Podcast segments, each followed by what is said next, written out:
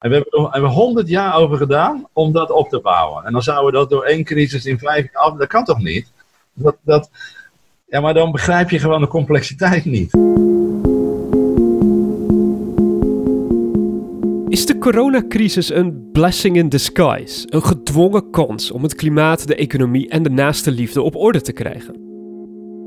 Daarover praat ik, Inge Jansen, redacteur van Vers Beton, met hoogleraar transitiekunde Jan Rotmans.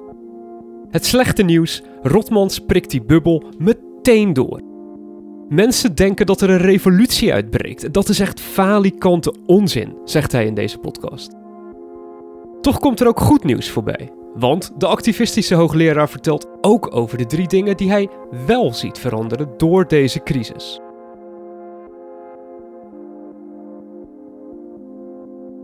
Er begint enige transitiemoeheid bij mij plaats te vinden. Uh, dat ik, ik, ik zie heel veel mensen die op heel veel verschillende plekken zeggen: Dit is het moment dat we moeten gebruiken. Iedereen haalt de hele tijd Winston Churchill aan met dat Never Waste a Good Crisis. Herken je dat? Dat het er nu heel veel over gaat? Van hoe gaan we nu opeens iets met een transitie doen? Ja, um, ik, ik ben ook wel verbaasd hè, door het gebrek aan reflectie en uh, het uit de heup schieten. Uh, en tegelijkertijd zien we dat bij elke crisis. Hè? bij elke crisis staan er mensen op die zeggen: En nu uh, gaat het anders worden. Dit is het moment. En elke keer blijkt het toch weer niet zo te zijn. Dus uh, het zijn of mensen die niet weten wat een transitie inhoudt. Of mensen die niet weten wat het effect is van een crisis op een transitie. Hoe zie jij dit? Is dit voor jou de zoveelste crisis die niet per se een groot verschil gaat maken? Wat je vaak ziet is na zo'n crisis dat een klein deel van de mensen zijn gedrag verandert. En op systeemniveau zie je wel dat er veranderingen in gang worden gezet. Maar het is niet zo dat er dan een revolutie uitbreekt. Dat gebeurt eigenlijk nooit na een, een systeemcrisis. Want het overgrote deel van de mensen en de instituties valt weer terug in zijn oude patronen en zijn oude gedrag. Het is vooral wishful thinking. Maar ik heb in al mijn boeken en publicaties aangegeven, het helpt wel, deze crisis. Na elke crisis, 5 à 10 procent van de mensen verandert dan. Dus je hebt een aantal van die crisissen nodig. En dan bereik je 25% van de mensen. En dan kan de resterende 75% redelijk snel meegaan in zo'n transitie. Nou, dan ben je alweer een generatie verder. ja. Maar we hebben dus de hele tijd hebben we grote problemen nodig om maar die kritieke massa te creëren. Ja, ja, dat is dus uh, de paradox van mijn boodschap. We, we hebben steeds van die crisissen nodig. De volgende tekent zich al af, een klimaatcrisis. En dan uiteindelijk gaan we inzien dat het echt anders moet. Hè. Dus, dus het is eigenlijk een soort voorwaarde om al struikelend verder te komen. Daarom noem ik het altijd een evolutionaire revolutie. Dus het is een radicaal veranderingstraject, maar wel evolutionair. Uh, want wij zijn gewoontedieren, dus, dus 90% van ons gedrag is gewoontegedrag mensen denken nu, over twee jaar, dat we echt niet meer uh, verre reizen gaan maken en niet meer gaan vliegen. Dat, is echt falikante onzin. Een klein deel past zijn gedrag aan. Dat zagen we ook na de vorige crisis, hè, 2007, 2008. En een veel groter deel gaat gewoon door. Uh, maar het helpt elke keer weer een beetje. En dan uiteindelijk dan heb je een kritische massa. Dus je hebt geen kritische massa van de helft van de mensen nodig.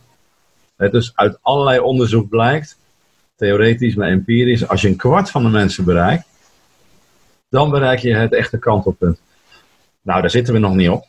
Kijk, wat, wat we nu kunnen verwachten, een klimaatcrisis. We gaan een keer naar een extreem droog en warm jaar toe, waarbij er zoveel slachtoffers vallen dat mensen zeggen, ja, we kunnen dat nu attribueren aan klimaatverandering. En dan denk ik dat het effect wordt dat de beurzen ook in elkaar klappen. En dat de olie- en gasbedrijven onder druk komen te staan. En dan, dan krijg je dus een soort ja, corona-achtig effect. Ja, ik denk dat elke crisis die nu komt, ik noem het een systeemcrisis, omdat die diep geworteld zit in alle instituties en, en laat ik zeggen productieketens en in ons gedrag, dat elke volgende crisis meer impact gaat hebben. Wat je ziet, deze crisis bouwt voort op een economie die eigenlijk nog heel kwetsbaar is. Eh, die heeft de vorige crisis net doorstaan. En het financieel systeem wat we hebben is nog steeds uit balans. Eh, dat wordt kunstmatig in leven gehouden. Kijk maar wat de ECB doet in Brussel. Eh, kunstmatig de rente laag houden. De schulden nemen weer toe. Dus we maken dezelfde fouten. We hebben wel meer buffercapaciteit en de banken zijn iets gezonder. Maar in feite blijven we geld uitgeven wat er niet is. Dus deze crisis komt bovenop een ziek financieel-economisch systeem. En deze crisis is echt uh, mondiaal. De vorige crisis, daar was China niet echt bij betrokken. Veel ontwikkelingslanden ook niet. China kwam er goed uit.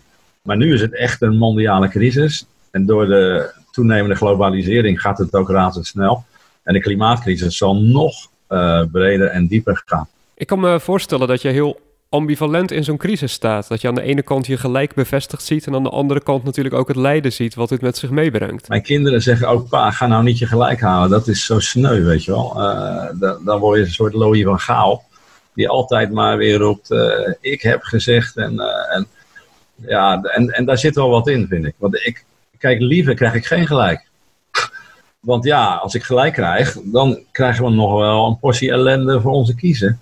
En tegelijkertijd, ja, ben en blijf ik optimistisch. Over wat onze weerbaarheid is hiertegen? Nou ja, ik zeg, wij zijn niet crisisbestendig, hè, zeg ik in mijn nieuwe boek. We zijn niet schokbestendig. Waar blijf je dan positief over als wij niet schokbestendig zijn? Nou, omdat we juist die crisis nodig hebben om verder te komen in onze evolutie, in onze ontwikkeling. Dus blijkbaar zijn we zo hard leers en zo bijziend dat we die crisis nodig hebben. Deze crisis kondigde zich eigenlijk aan. Ook al verraste die mij ook. Maar al jaren wordt er gewaarschuwd voor een pandemie. En al jaren zien we dat de diepere oorzaken niet worden opgelost. De enorme hoeveelheid dieren die bovenop mensen leven. Want deze crisis had ook in Nederland kunnen ontstaan. Door de bio-industrie. En we grijpen dan niet in en dan ineens zijn we verrast. Zelfs virologen zijn verrast. En de indirecte effecten zijn altijd groter dan de directe effecten. Hè? Dus de indirecte effecten op de economie, de markten, de financiële ja, dat is gigantisch door de massapsychose en de angst. Terwijl ik denk dat dat uiteindelijk wel mee gaat vallen. Hè, dat we daar over een paar jaar wel weer uitspringen. Maar dan denk ik dus, en dat voel ik ook van binnen, de echte crisis, die komt er nog aan. Want zo'n klimaatcrisis raakt je veel harder en dieper. Daar is ook geen vaccin voor namelijk. Kijk, hier hopen we nog op een vaccin. Dat gaat er wel komen over één of twee jaar. Maar wat is het vaccin tegen klimaatverandering? En het leuke is, we hebben dus gewaarschuwd voor deze crisis. De aanleiding is elke keer anders, maar de oorzaken die zijn wel vergelijkbaar. En dan is het onderdeel van de veiligheidsstrategie. Nou, ik sta voor die veiligheidsregio's. En dan zeg ik ze, jullie letten eigenlijk op de verkeerde veiligheidsrisico's.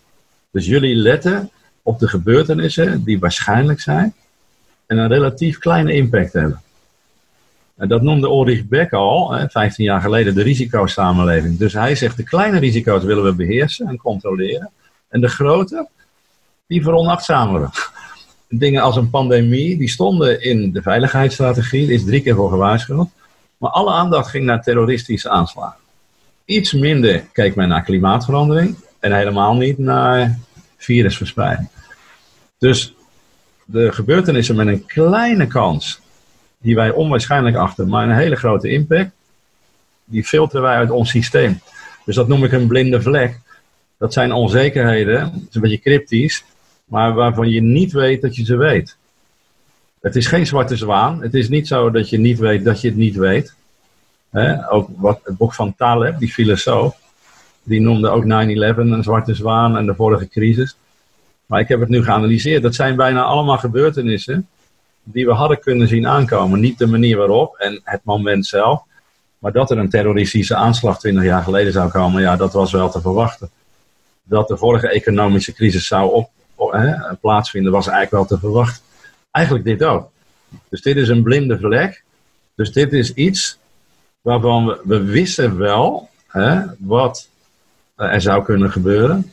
Maar we hebben het uit ons bewustzijn gehaald. Dan zeg ik, we waren niet we waren ons niet bewust van het feit dat we het wisten.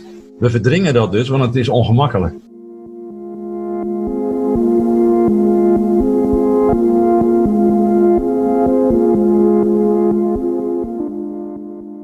Als we dit even heel klein maken en heel specifiek naar Rotterdam.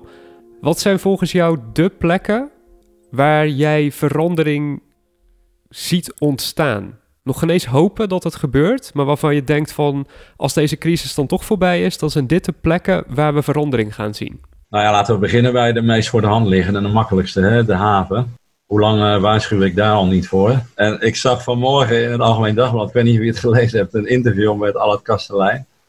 En uh, hij zegt, wij moeten minder afhankelijk van olie worden en steenkool. Ja, hè, hè. En wij moeten meer en eerder investeren in uh, duurzaamheid. En, en die investeringen naar voren halen, zei hij. Anders worden we dus te kwetsbaar. Nou, dat is precies wat ik dus bedoel. We zien het nu elke keer bevestigd. De, de fossiele economie is te kwetsbaar, te grillig, te instabiel.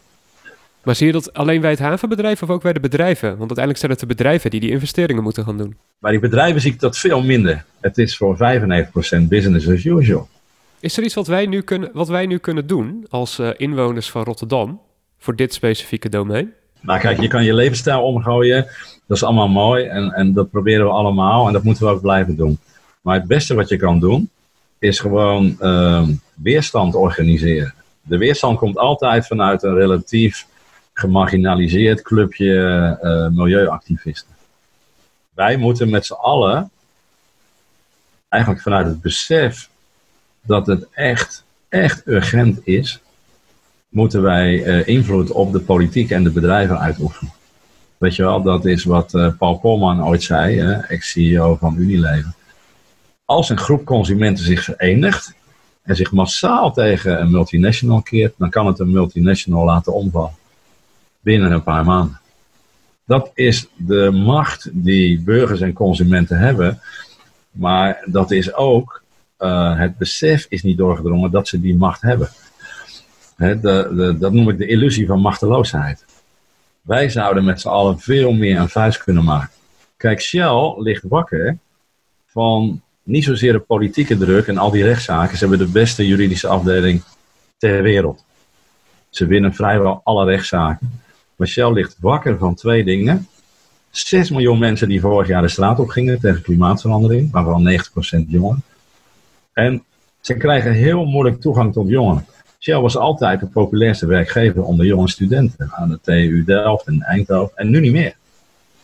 En dat vinden ze niet leuk. Ik heb toen gezegd in mijn eerste presentatie voor Shell, vroeger waren we trots op Shell. En toen bleef het stil. Ik zeg, en nu? En als je nu 25 bent en je gaat bij Shell werken en je komt op een feestje, dan heb je wat uit te leggen. Uh, als Shell dus niet echt wezenlijk verandert, hebben ze helemaal geen aantrekkingskracht meer op jongeren. Maar die tijd hebben we niet. We kunnen niet nog twee of drie generaties wachten. Dus ik zeg altijd, ik acht jou ervoor verantwoordelijk, maar mezelf ook. Ik wil toch niet eerder mijn kist ingaan dan dat dit probleem is opgelost. Kan ik je daaraan houden? Ik, lijkt me lastig. Ja, maar... ja, ja, dan mag je me aanhouden. ik heb altijd gezegd dat ik niet zo heel oud word, dat ik in dit tempo blijf voortleven. Maar nee, maar dat meen ik echt. Ik vind het zo slap om het af te schuiven op de jongere generatie.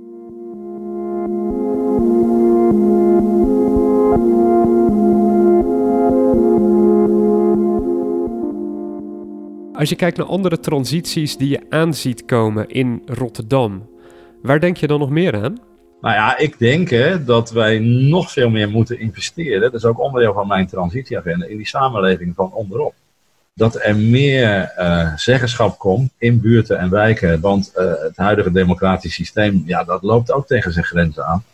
Mensen voelen zich niet gehoord. De afstand tot het stadhuis is levensgroot. Dus uh, ik denk dat de nieuwe economie wat meer regionaal en lokaal georiënteerd gaat zijn. Dus we zijn nu veel te afhankelijk van het buitenland. Uh, 90% van onze medicijnen komt uit India en China. Maar dat niet alleen. Wij exporteren 80% van ons voedsel. Maar we importeren ook 80%. Dat is natuurlijk waanzinnig. We importeren net zoveel als dat we exporteren. En ik denk dat wij hè, op regionaal niveau moeten we ons gaan organiseren. De circulaire economie heeft 50 bij 50 kilometer nodig. Nou, dat is ongeveer de regio Rotterdam-Den Haag. En daarbinnen, op wijkniveau, uh, gaan we steeds meer verantwoordelijkheden geven aan burgers. Hè. De omgevingswet komt eraan. Je hebt de WMO-wet al. Dus in het sociaal domein en het fysiek domein zie je dat er steeds meer uh, aan burgers wordt toevertrouwd. Maar 80% van die burgers is daar helemaal nog niet klaar voor. Maar ik kan me eerder voorstellen dat dan zo'n crisis zoals deze, dat die dat juist problematiseert. En dat we eerst onze eigen shit willen fixen. En dat we ons dan niet meer druk gaan maken over nieuwe democratische vormen. Nee, ik zie het juist omgekeerd, omdat uh, je ziet nu een explosie aan initiatieven hè, om kwetsbare mensen te helpen. Uh, saamhorigheid. Mensen zijn weer wat aardiger voor elkaar en iedereen vraagt hetzelfde. Waarom doen we dat niet altijd zo? los van de horken die je altijd houdt. Maar mensen hebben wat meer tijd, zijn wat rustiger. En er zijn tal van burgerinitiatieven. Na de laatste grote economische recessie, 2008, zag je ook een explosie van burgerinitiatieven. Dus sindsdien hebben we honderden uh, energiecoöperaties. We hebben er nu 500 in totaal. We hebben 400 zorgcoöperaties, de meeste in Brabant. We hebben voedselcoöperaties. En dat geeft iets aan dat mensen iets willen doen. En ze willen ook weer weten waar dat eten vandaan komt. Of die energie, dat het schoon is en zuiver. En, dus dat noem ik samenredzaamheid. En daar moeten we veel meer in investeren. bijvoorbeeld, ik zie overal dat buurten eigen budgetten krijgen. Dat gebeurt al in het oosten van het land, hè, in Deventer, Leeuwarden. Nou, krijg een budget voor een paar jaar, zoek het maar uit. Na een paar jaar moet je wel uit kunnen leggen wat je ermee gedaan hebt. Maar dan geef je als het ware vertrouwen. We hebben nu een samenleving die, die bol staat van het wantrouwen. Kijk, en burgers zitten nu klem tussen ja, de bureaucratie van de overheid en, en de kilte van de markt. Ja, dat is geen prettige positie. En ik zou willen dat die weerbaarheid op wijk- en buurtniveau ook, ook veel groter wordt en beter wordt benut.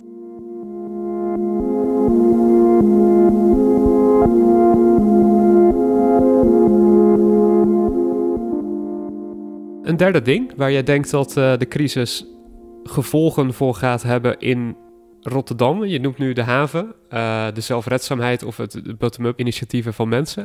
Nou, de toenemende ongelijkheid, hè? Die, uh, die je nu al ziet ontstaan. En, en die dus wordt uitvergroot door de crisis. Ik denk dat uh, heel veel Rotterdammers in de problemen gaan komen de komende jaren. We hebben ook in Rotterdam een record aantal ZZP'ers, entrepreneurs, start-ups. Ja, die gaan het zwaar krijgen.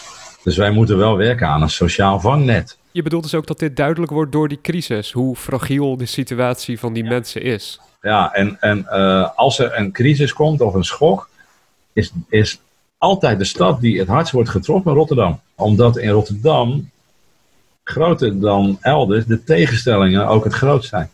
Tussen hoog en laag opgeleid, tussen arm en rijk, tussen Noord en Zuid. Rotterdam-Zuid is groter dan Eindhoven, 240.000 mensen.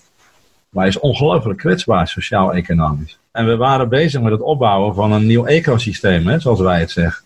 Dus de nieuwe economie. En, en dat hele ecosysteem, dat dondert dadelijk in elkaar. En dat betekent dus dat de rol van de overheid wordt daarin heel belangrijk om dat ecosysteem enigszins overeind te houden. En dan vooral de kwetsbare mensen te gaan helpen. Maar je zou ook als advocaat van de duivel kunnen zeggen: als een systeem bij zulke weerstand al omvalt, is het het al wel waard om te redden? Nee, misschien niet. Maar dat, dat is een beetje cynisch gesproken natuurlijk. Kijk, zo'n crisis uh, ruimt ook op.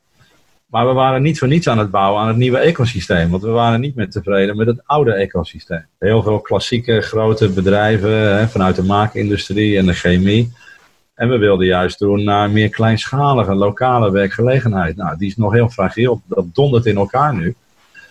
Ja, dat betekent dat je dat weer opnieuw moet gaan opbouwen of zorgen dat je toch uh, delen in stand houdt. Want het past wel bij het nieuwe denken.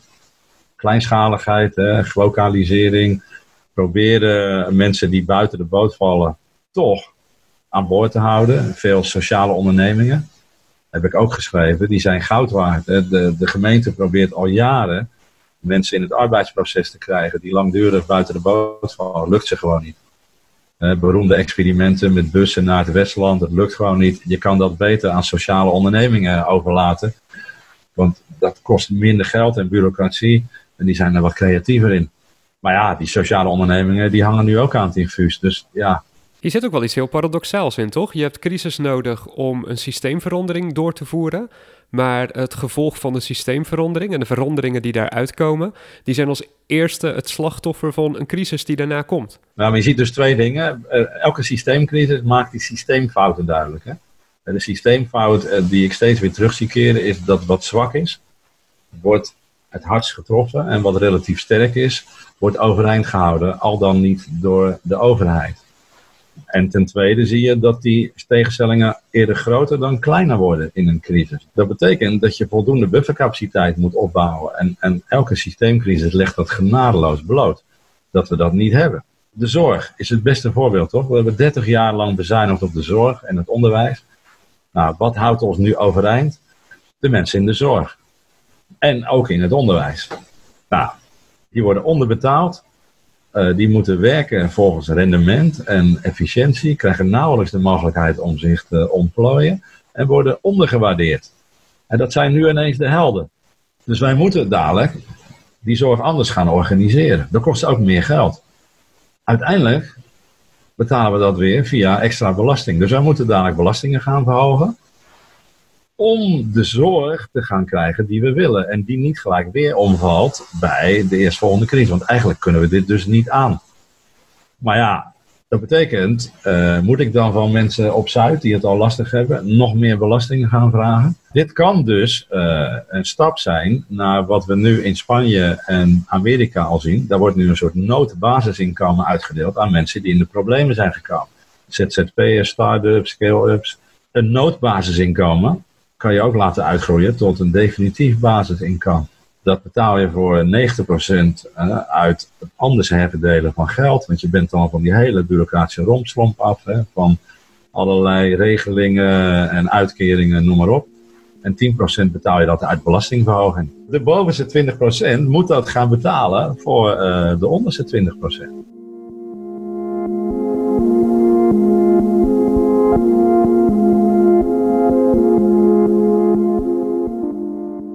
Hadden het er al even over dat je nu ziet dat er heel veel momentum is voor dat geloof in er is crisis en dus kunnen we een transitie mogelijk maken. Misschien wel te veel, ook omdat je zegt je hebt eerst die kritieke massa nodig, het is een incrementeel proces, et cetera.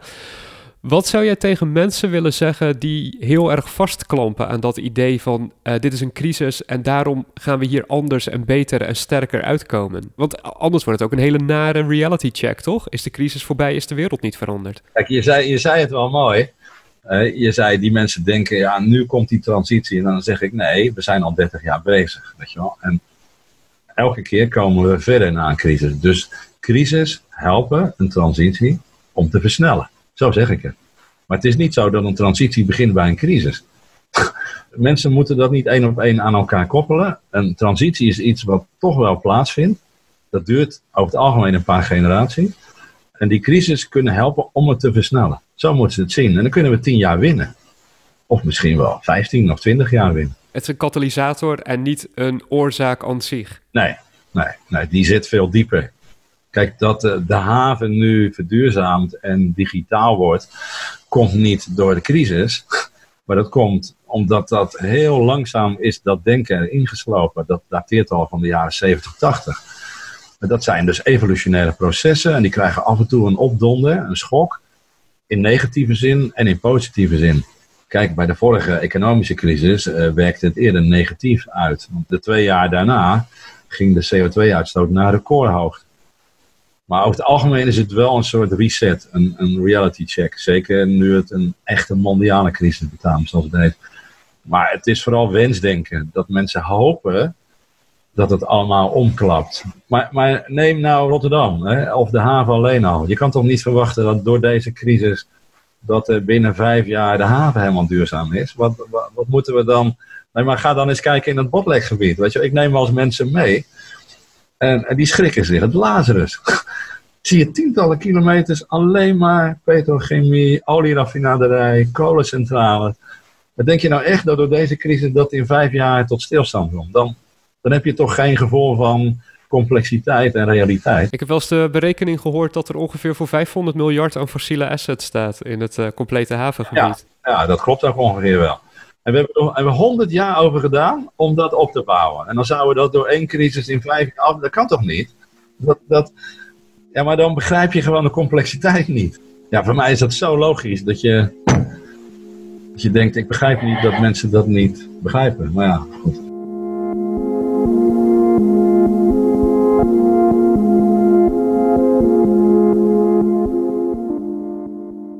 Je luisterde naar een podcast van Vers Beton, het magazine voor de harddenkende Rotterdammer. Meer weten? Ga dan naar www.versbeton.nl.